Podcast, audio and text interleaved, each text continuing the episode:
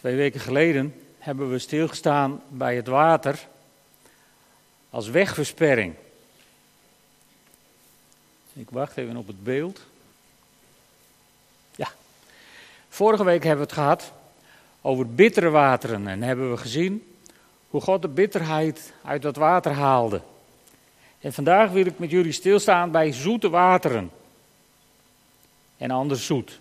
Neem ik even mee zoete wateren. En vandaag heeft de preek een motto. En dat motto is: blijf niet waar de bomen tot in de hemel groeien, of waar het manna gisteren was. Dat is namelijk een hele verleidelijke plek in het leven van gelovigen. Daar blijven hangen bij wat God heeft gedaan. En verwachten dat hij dat eindeloos zal blijven herhalen. Dus dit is het motto van de preek. En als u het Bijbelverhaal mee wilt lezen, dat staat in Exodus 16. En wederom in Johannes 6. Eh, het is opvallend hoe vaak je vanuit Exodus bij Johannes 6 terechtkomt. Exodus 16. En voor de duidelijkheid begin ik bij hoofdstuk 15, vers 27. Het verhaal van het bittere water is net afgelopen. En dan staat er: Hierna kwamen ze in Elim, een plaats met twaalf waterbronnen en zeventig dadelpalmen. Daar sloegen ze bij het water hun tenten op. Elim, een volmaakte plaats. De getallen 12 en 70 staan er niet voor niks. Het volk Israël, twaalf stammen, de Heer Jezus, twaalf discipelen. Toen Mozes de berg op mocht om de tien geboden in ontvangst te nemen, mocht hij 70 oudsten meenemen, het getal van, van volheid. En als Jezus, de geneesheer die we vorige week hebben gezien bij, de bittere, bij het bittere water, mensen uitzendt om te genezen, dan stuurt hij er eerst twaalf en daarna zeventig. Dus het, het zijn twee getallen die in de Bijbel alles aanduiden van volheid, van volmaaktheid, van de volledige aanwezigheid van God. Ze kwamen in Elim, een oase in de woestijn, en daar sloegen ze bij het water hun tenten op. Het is opvallend dat je in de Bijbel leest, als ze bij de bittere wateren komen, dat ze moord en brand schreeuwen en allemaal klachten aanheffen. En het is ook opvallend als ze in Elim bij de zoete wateren aankomen, dat de Bijbel over geen woord van dank rept. Dan kun je geen theologie bouwen op wat er niet in de Bijbel staat, dus dat wil ik ook voorkomen. Maar het viel mij wel op. En, en ik denk, die Israëlieten zijn net, zijn, zijn net mensen, van, mensen als wij. Weet je, als het even tegen zit, dan schreeuwen we moord en brand. Als het even tegen zit, beklagen we ons bij God. Als het even tegen zit, heeft God het gedaan. En als alles mee zit, dan nemen we dat heel vaak aan als vanzelfsprekend. Alsof we daar recht op hebben.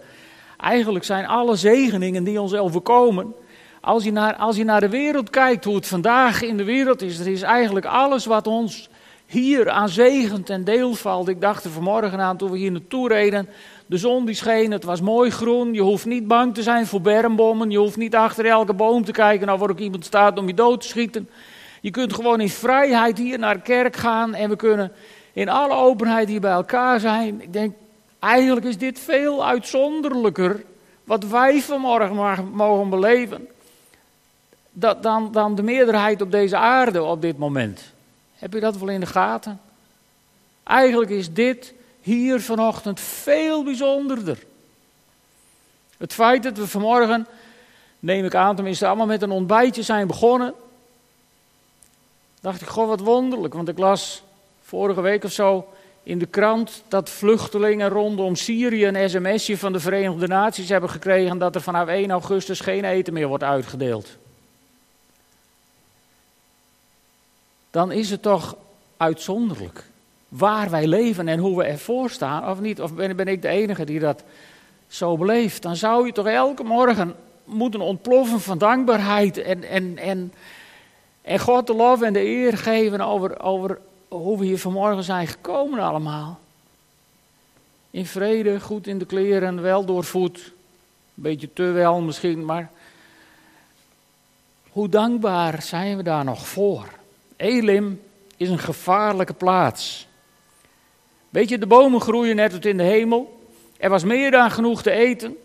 Ze hadden hun tent zo gezet dat ze zicht hadden op het water. Dus je kampeerde bijna op het strand. Elke dag een beetje pootje baren. Een beetje in de zon zitten.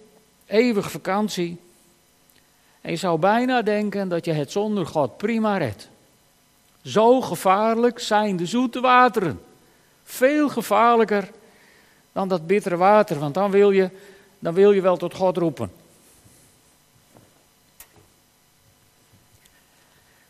Dus het is een gevaarlijke plaats. En toch is het dan opmerkelijk dat er in het volgende vers staat: vanuit Elim trok het hele volk van Israël weer verder.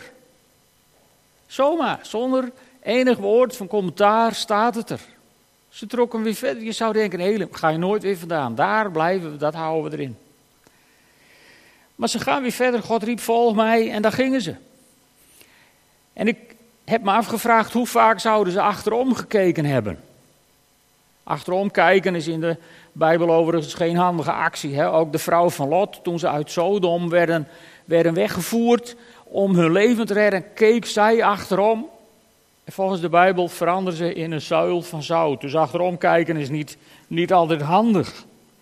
Want als je achterom kijkt, dan leef je eigenlijk, eigenlijk in, de, in de vooronderstelling dat waar we heen gaan, dan kan het nooit zo goed zijn als waar we vandaan komen. Maar waar je met God heen gaat, is het altijd beter dan waar je vandaan komt. Dat hangt, waar het op aankomt, is of je dat gelooft. En, en wij hechten liever aan die oases.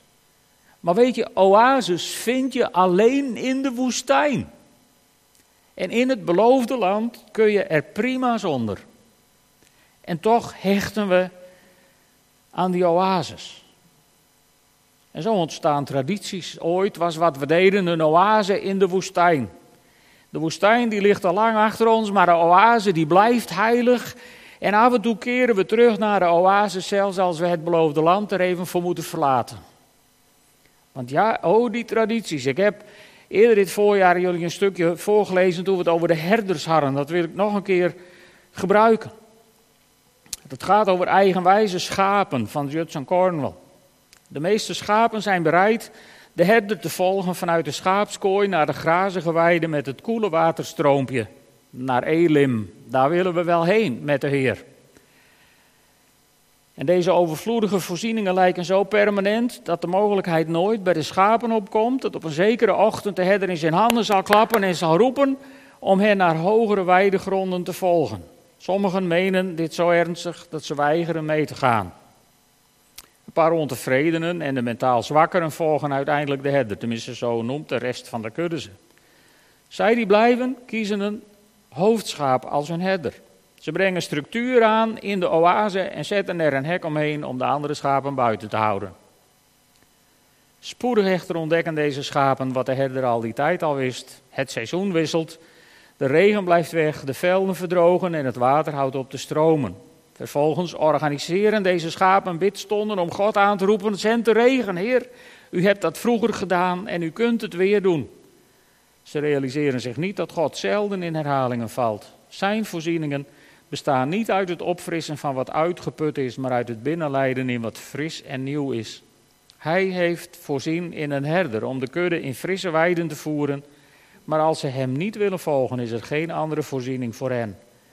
Overal op de wereld kun je verbleekte beenderen vinden van christelijke schapen die hebben geweigerd Christus te volgen naar nieuwe weidegronden. Ze hielden vast aan het oude en kwamen om van de honger. Ze hebben grote herinneringen achtergelaten aan vroegere zegeningen, maar ze hebben het leven niet bewaard voor toekomstige generaties. Schapen en christenen zouden hun herder moeten volgen zonder uitleg, reserve of aarzeling. Alleen dan zullen ze kunnen getuigen: mij ontbreekt niets.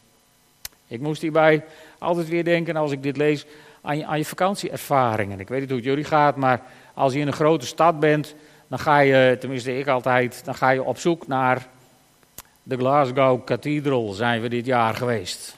Prachtig groot gebouw, een museumfunctie, want geestelijk heeft het geen inhoud meer.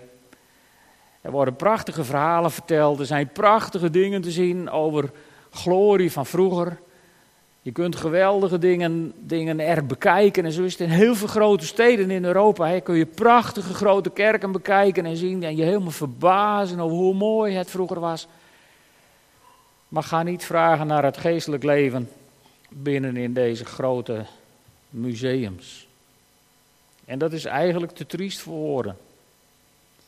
Maar dat gebeurt als je in Elim wilt blijven wonen, als God zegt: Volg mij, want we gaan verder op weg naar het beloofde land. En ze gaan dus mee. En op de vijftiende dag van de tweede maand na hun vertrek uit Egypte bereikten ze de woestijn van Sin, die tussen Elim en Sinaï ligt. Het is grappig hoe meer je hierover leest in commentaren, hoe verwarder het wordt waar ze eigenlijk waren. Want elke geleerde wil ze ergens anders plaatsen. En met name de moderne geleerden die dan al die wonderen willen verklaren uit natuurlijke oorzaken. Ja, die komen eigenlijk tot de conclusie dat ze overal geweest kunnen zijn, maar niet in de woestijn Sinai, want daar gebeuren deze dingen niet. Nou, bij mijn God gebeuren deze dingen daar juist wel. Dat is het wonderlijke van dit verhaal. Goed, en dan, dan komen we bij het volgende vers, vers 2 en 3. Ik heb daar boven gezet scenario denken. Scenario denken is iets dat komt, eh, dat, dat is een, een uh, techniek uit de rampenbestrijding. Daar moet je scenario denken, want dan ga je als er een groot festijn ergens komt, ga je met een aantal knappe koppen bij elkaar zitten en dan roep je, stel dat de storm van gisteren hè, gebeurt. Dan worden er dingen afgelast. Dat komt omdat we tegenwoordig scenario denken. Een jaar of tien geleden deden we dat niet en dan was die storm ons overkomen en dan was het jammer geweest, maar Tegenwoordig worden al dat soort scenario's uitgedacht, maar er zijn mensen die in hun persoonlijk leven ook doen aan scenario denken. Je hoort op het nieuws dat er waarschijnlijk een griepepidemie in Europa komt. De helft van de Nederlandse bevolking gaat alvast op bed, want dan lig ik daar maar vast. En de andere helft die haalt de schouders op en die denkt, nou ja, als ik het krijg, dan zien we dat wel. En je mag raden welke helft ziek wordt. Dat gebeurt hier. Vers 2 en 3. In de woestijn begon het volk zich opnieuw te beklagen. Had de Heer ons maar laten sterven in Egypte? Met andere woorden, wat was het scenario wat ze hadden bedacht? Niet wat God hun had beloofd hoor. Het stond ook niet in de Bijbel, maar ze hadden bedacht: nu gaan we dood. Dat was het scenario. Nu gaan we dood. En toen was er een slimmerik die zei: dan had dat ook wel in Egypte gekund. Ja, dat is zo. Dat had ook gekund. En als je in dat soort denken vervalt en je, en je geest daarvoor openstelt, dan is de volgende valkuil waar je intrapt. Vroeger was alles beter. In Egypte hadden we tenminste vlees te eten en volop brood. De zweepslagen en de stokslagen en het zware werk waren ze voor het gemak maar vergeten, want vroeger was alles beter. Het is ook zo, naarmate je uh, ouder wordt, begin je ook soms om te kijken en zijn de herinneringen aan vroeger zoet, omdat God het bittere eruit heeft gehaald. Maar het was niet allemaal beter natuurlijk. Het is onzin. En ze blijven in dat scenario zitten. En dan krijgt Mozes de schuld. U hebt ons alleen maar naar de woestijn gebracht om ons hier van de honger te laten omkomen. Het scenario wat ze hadden bedacht is: hier gaan we dood. En dan ontstaan er allemaal van dit soort opmerkingen. En uh, dan is er nog iets wonderlijks. Er staat, ze, ze, ze zeiden tegen Mozes en Aaron, staat er in vers 2, hè, ze beklagen zich bij Mozes. En dan in het volgende vers, in vers 4, daar staat, dat begint dan ook met de Heer, zei tegen Mozes. Ik heb me afgevraagd, wat zou er gebeurd zijn als ze zich hadden beklaagd bij God en hadden gezegd, Heer, hoe nu verder? Dan had de Heer misschien wel rechtstreeks tegen hen gesproken. Waarom dat ze mekkeren tegen Mozes, spreekt de Heer ook tegen Mozes. Zo van nou, zeg hun nou maar dit of zeg hun nou maar dat. Zo zie je dat hele patroon ontstaan. En bij de Sinaï zullen ze het zelfs zo ver brengen dat ze tegen de Heer zeggen: Nou, praat maar niet meer met ons, want dat is ons veel te gevaarlijk. Doe het maar via Mozes. Wat als ze nou zelf met de Heer hadden gedaan? Maar goed, hebben ze niet gedaan, dus dat zien we niet. Maar, maar wat gebeurt er dan? Dan krijgen ze van de Heer een aantal spelregels. Want er gaat iets heel bijzonders gebeuren. De Heer zegt: Ik zal voor jullie brood uit de hemel laten regenen. De mensen moeten er dan elke dag op uitgaan om net zoveel te verzamelen als ze voor die dag nodig hebben. Daarmee stel ik hen op de proef. Ik wil zien of ze zich aan mijn voorschriften houden. Had de Heer ook al gezegd bij het bittere water dat hij dat wilde zien. En uh, op de zesde dag moeten ze tweemaal zoveel verzamelen en klaarmaken als op de andere dagen. Dus God belooft het volk een dagelijkse voedselvoorziening. En dit mag je vergeestelijken. Ik ben daar nooit zo voor, maar dit mag je heel geestelijk ook meenemen. In Matthäus 6, vers 11, daar leert de Heer Jezus zijn discipelen bidden, geef ons vandaag het brood dat wij nodig hebben. Hij leert ze niet bidden, geef ons een vriezer vol voor de komende maand. En uh, dat dagelijkse zoeken kom je nog een paar keer tegen in het Oude Testament. Dat wil ik jullie ook even niet onthouden. In Psalm 88, vers 13, dan zegt de psalmist: Daarom roep ik om hulp, Heer. Elke morgen nader ik u met mijn gebed. Kun je dat de psalmist nazeggen? Want weet je ook dat dagelijks zoeken van het manna, in ieder geval van ons geestelijk voedsel, dat dagelijkse zoeken, dat is een, een prachtig beeld wat hier uit het manna naar voren komt. En de psalmist heeft dat begrepen. En Jeremia die zegt in Klaagliederen 3, vers 23: Elke morgen schenkt hij nieuwe weldaren, veelvuldig blijkt uw trouw. Elke morgen, elke dag. Is dat een patroon van je leven? Elke dag, want dat is op zich wel belangrijk. Elke dag. We gaan verder kijken naar hoe het gaat met dat manna. Maar eerst wil ik een tegenstelling even zichtbaar maken. Er zit, een, er zit namelijk een hele scherpe tegenstelling in dit hoofdstuk. In vers 3, dan zegt het volk, u hebt ons alleen maar naar de woestijn gebracht om ons hier allemaal van de honger te laten omkomen. En in vers 6, dan zeggen Mozes en Aaron tegen de Israëlieten, vanavond nog zult u inzien dat de Heere zelf u uit Egypte heeft geleid. Vanavond nog. Kijk eens aan. Vanavond zul je dat zien.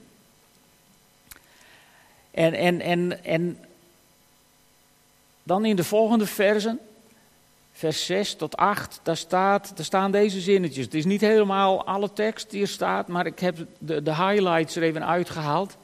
Vanavond nog zult u inzien dat de Heer zelf u uit Egypte heeft geleid. En morgen in de ochtend zult u de majesteit van de Heer zien. En hoe gaan ze dat zien? Nou, vanavond zal de Heer u vlees te eten geven en morgenochtend zult u volop brood hebben. Hier zit ook weer zo'n prachtige woordspeling in die je, die je even moet zien. Je moet even op de combinatie letten van majesteit en brood. In de ochtend zult u de majesteit van de Heer zien, want morgenochtend zult u volop brood hebben. Met andere woorden, kennelijk is het brood wat er de andere ochtend is, een beeld van de majesteit des Heeren. En die, die combinatie, die pakt de Heer Jezus op in Johannes 6. In vers 35 zegt hij tegen de mensen: Ik ben het brood dat leven geeft. Dat zegt hij na de wonderbare spijziging, hè, waar hij zoveel mensen heeft gevoed van vijf broden en twee visjes. En dan zegt hij: Ik ben het brood dat leven geeft. Wie bij mij komt zal geen honger meer hebben en wie in mij gelooft zal nooit meer dorst hebben. Maar dat betekent wel dat je dagelijks moet komen. Dagelijks. Al die werkwoorden in het Grieks, dat zijn geen, geen eenmalige gebeurtenissen. Dat zijn allemaal van die, van die continue werkwoordsvormen. Wie bij mij komt, wie telkens bij mij komt, wie alsmaar bezig is bij mij te komen, wie dagelijks bij mij komt, zal geen honger hebben en geen dorst.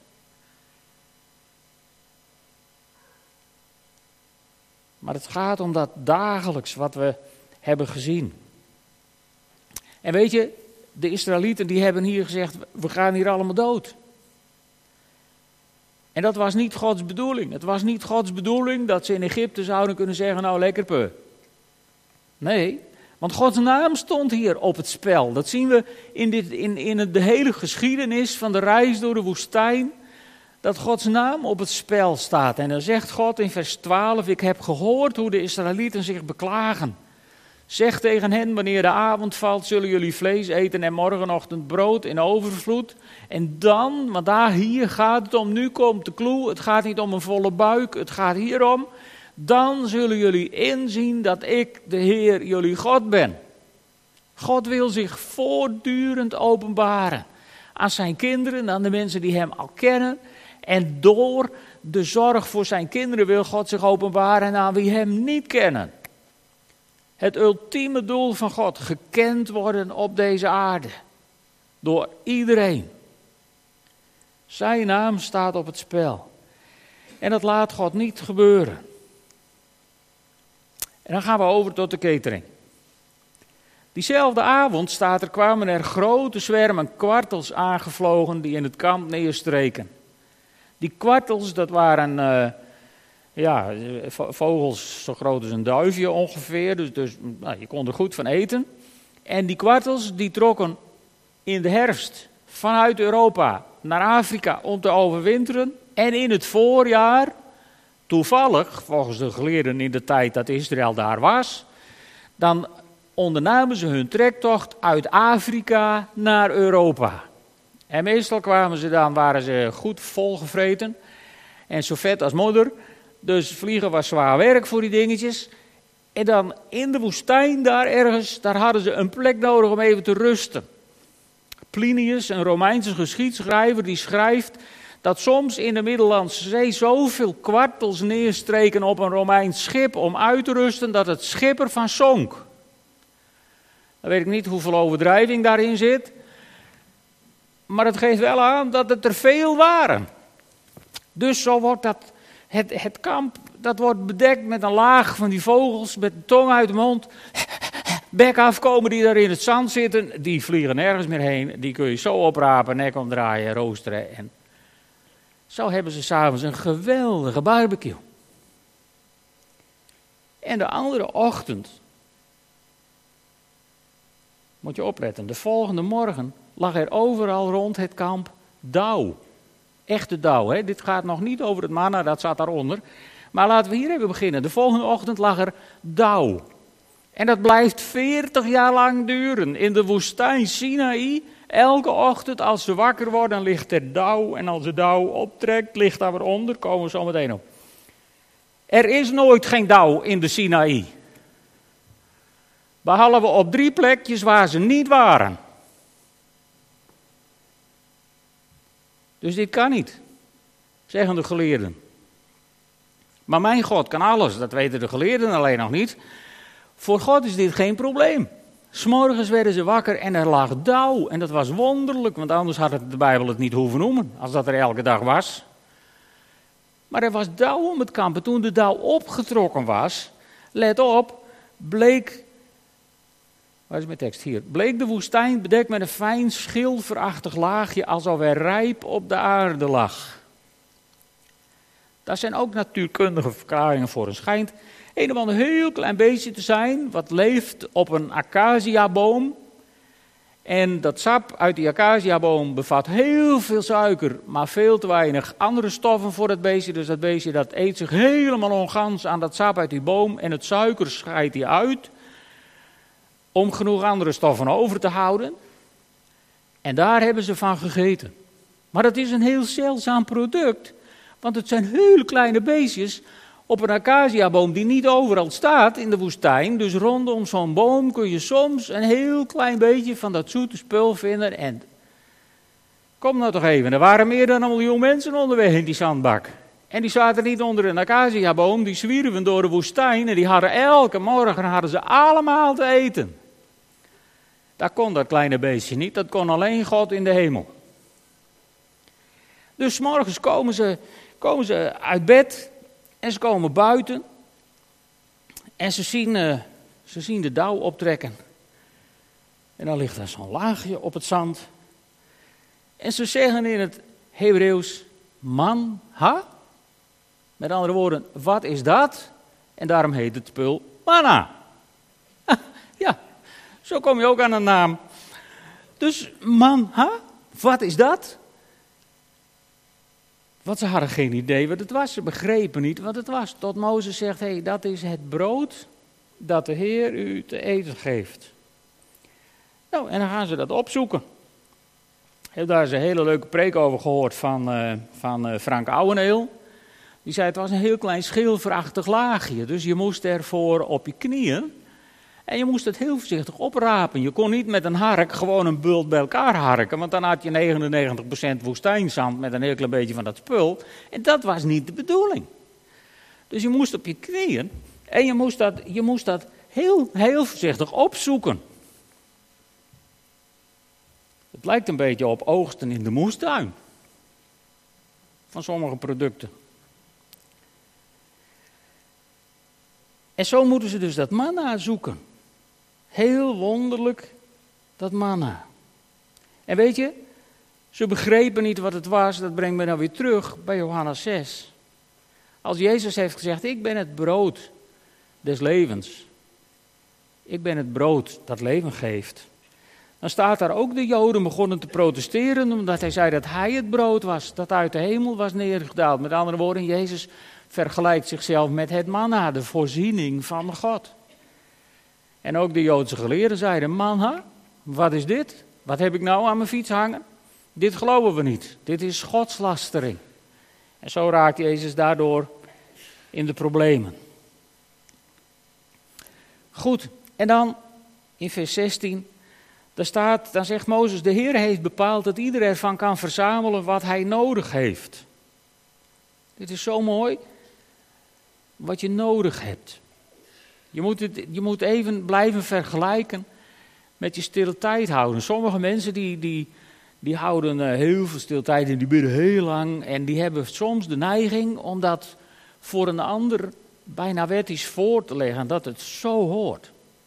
En ik heb dit gelezen en, en ik dacht, eigenlijk is het heel wonderlijk. Hè? Ieder mag verzamelen wat hij nodig heeft.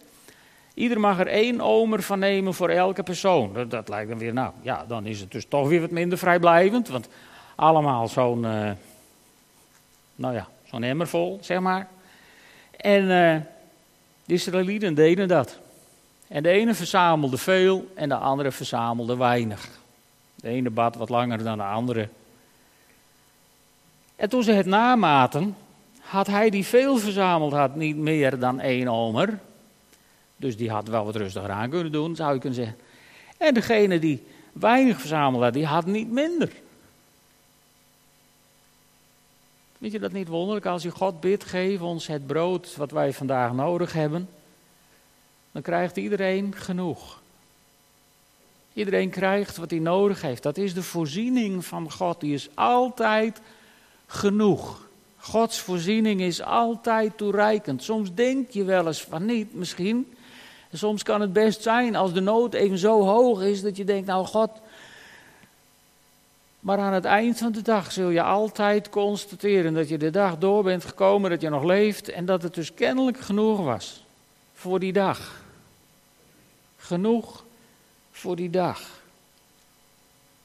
Dat is iets wat, wat in het, in het verhaal over het manna, dus dat andere zoet, heel sterk naar voren komt. En, en Mozes die, die verbiedt hen ook om er iets van te bewaren tot de volgende dag. Sommigen luisteren niet naar hen en bewaren toch iets. De volgende morgen zat het vol wormen en stonk het. En Mozes wees hen scherp terecht. Ze mochten niets bewaren voor de volgende dag. Nee. Want God voorziet elke dag in wat we nodig hebben.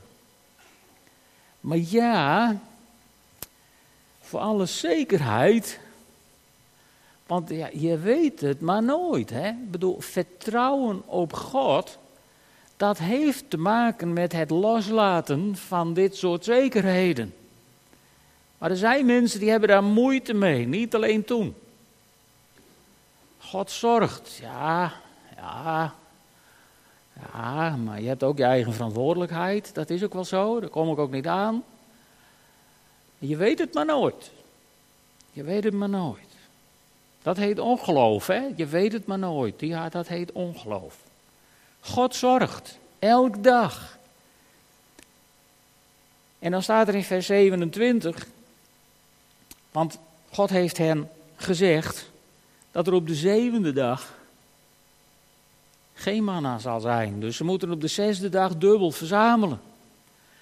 Maar ja, ik kan me voorstellen, met name die lui die allemaal wat hadden bewaard voor morgen en wat stonk en voor wormen zat, die dachten op de zesde dag, ja, ja het is wel goed, maar eh, nu even niet. En die verzamelden niet. En die gingen op de zevende dag toch. Staat hier. Want ach, God doet het altijd. En waarom zou ik me iets van regels aantrekken? Niet? Ja, God is liefde, toch? Waarom zou ik. Waarom zou ik? Maar dan schiet God uit zijn slof. En die zegt tegen Mozes: Hoe lang blijven jullie nog weigeren mijn geboden en voorschriften in acht te nemen? Dat is, dat is een, een, een scherp verwijt van God. Want God is inderdaad liefde, maar liefde wil beantwoord worden in aanbidding, in gehoorzaamheid, in navolging, in dagelijks zoeken van het manna voor die dag. En er zit natuurlijk ook een heel verhaal in over de Sabbat, maar het voert te ver om daar vanochtend heel diep op in te gaan. Dus dat, dat laat ik even liggen. Maar die liefde wil beantwoord worden. En waarom gaat het dan zo vaak mis dat we niet gewoon gehoorzamen en doen wat God ons gevraagd heeft? Volgens mij is de wortel bezorgdheid. In Matthäus 6, vers 31, daar zegt Jezus: Vraag je dus niet bezorgd af wat zullen we eten, of wat zullen we drinken, of waarmee zullen we ons kleden. Dat zijn allemaal dingen die de heidenen najagen. Jullie hemelse vader weet wel dat jullie dat alles nodig hebben. Zoek liever eerst het koninkrijk van God en zijn gerechtigheid. Dan zullen al die andere dingen je erbij gegeven worden. Maak je dus geen zorgen voor de dag van morgen, want de dag van morgen zorgt wel voor zichzelf. Elke dag heeft genoeg aan zijn eigen last. Maak je geen zorgen. En dat komt nog een paar keer terug. In Matthäus 10, vers 19. De discipelen die hebben kennelijk gedacht van ja, hoe moet dat dan als ze ons vervolgen? Dan zegt Jezus, ja, wanneer ze je uitleveren, vraag je niet bezorgd af hoe je moet spreken en wat je moet zeggen. Want wat je moet zeggen zal je op dat moment worden ingegeven. Dit is een beetje het tegengif tegen dat scenario denken. Maak je geen zorgen, begin je niet voor te bereiden op iets wat er niet is. Dat komt goed.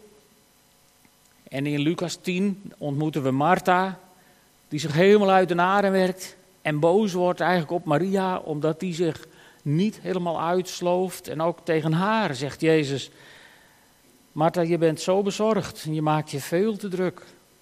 Relax. Relax, geloof, vertrouw op God. Vertrouw op de Heer. En in Filippenzen 4, vers 6, daar schrijft Paulus het aan de Filippenzen. Wees over niets bezorgd, maar vraag God wat u nodig hebt en dank Hem in al uw gebeden. Weet je, geen zorgen maken betekent overigens niet dat je je niet voorbereidt op dingen. Dat betekent niet dat je je verantwoordelijkheid niet neemt. Leven zonder zorgen is iets heel anders dan zorgeloos leven. Dat is één om over na te denken.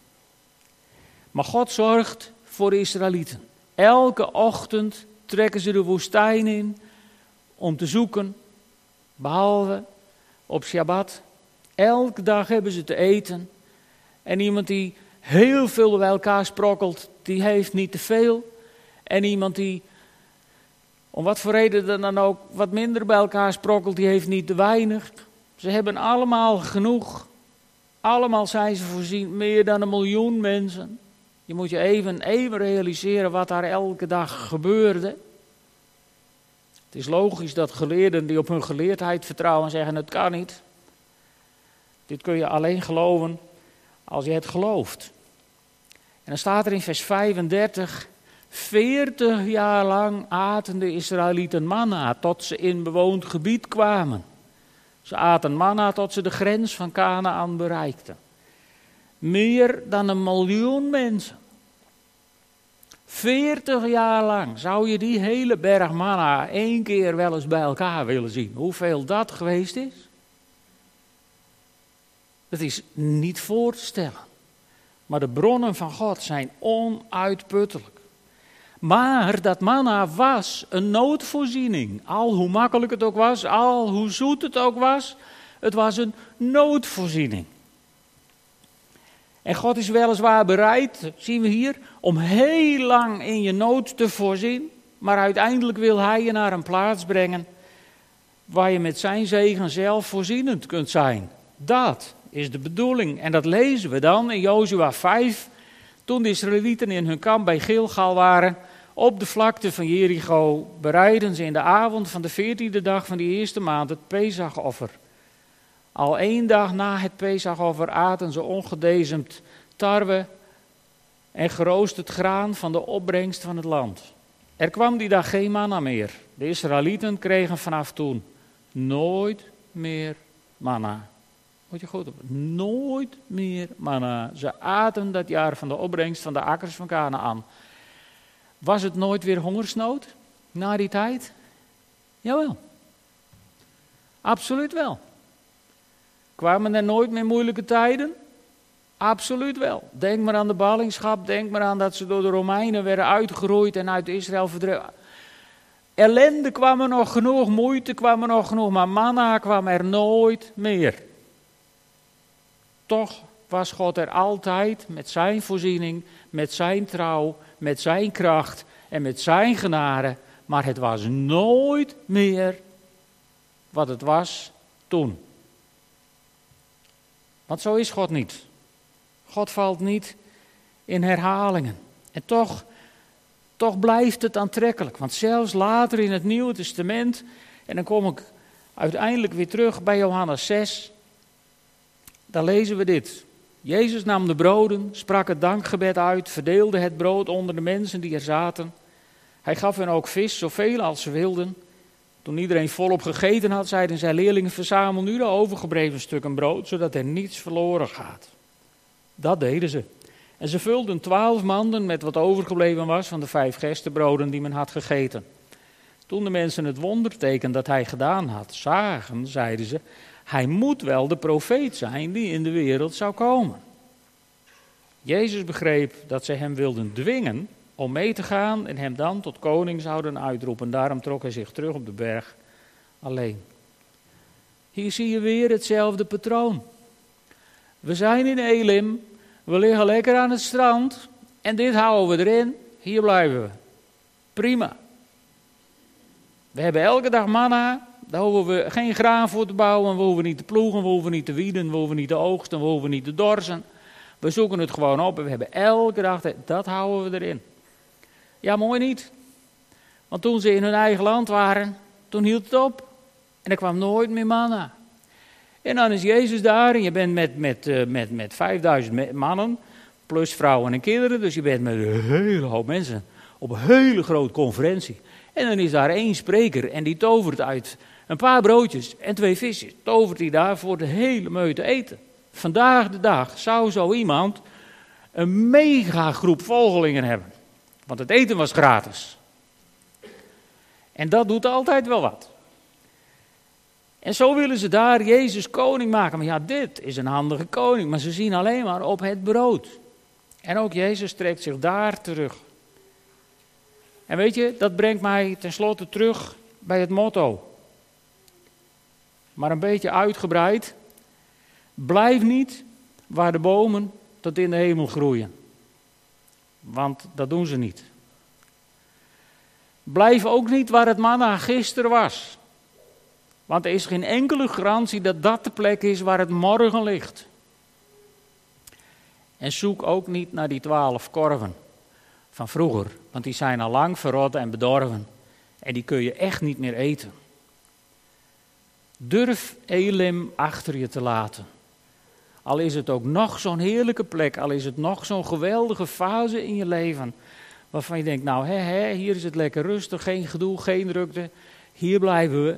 Durf jouw Elim achter je te laten. Volg jij mij. Als God je roept om hem te volgen. Heb dan niet allerhande overwegingen Ga geen scenario's denken over doodgaan in de woestijn, want God roept je echt niet om Hem te volgen, om dood te gaan in de woestijn. Zo zit mijn God niet in elkaar. Als Hij je roept om met Hem op pad te gaan, dan brengt Hij je vanuit een oase in de woestijn naar een beloofd land, overvloeiend van melk en honing. En daar kun je uitstekend zonder oases. Zullen we gaan staan en een moment bidden? Vader God, Dank u wel voor uw, voor uw zorg, voor uw voorziening. Dank u wel, heren, dat, u, dat uw, uw ogen altijd op ons zijn. Dat u precies weet wat we nodig hebben. En dat u altijd voorziet dat u zelfs antwoordt eer wij roepen. Heer, en ik bid u, leer ons meer en meer geloven. Leer ons meer en meer vertrouwen op u.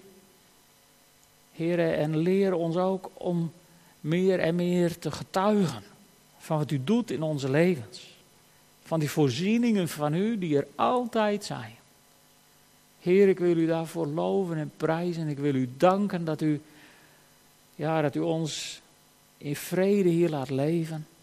Heer, en we denken daarbij ook aan, aan uw volk Israël, wat altijd leeft in spanning. Maar ook de volken rondom Israël, die momenteel geteisterd worden door een satanische gezel.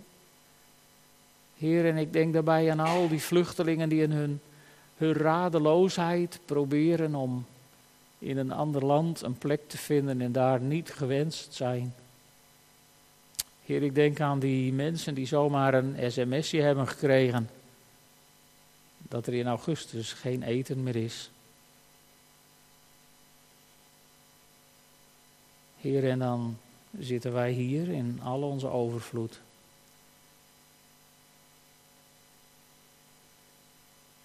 Heer, ik wil u danken voor uw zorg. En ik wil u bidden, Heer, om uw voorziening voor mensen die, die dat veel harder nodig hebben dan wij op dit moment. Heer, strek uw hand uit naar deze aarde.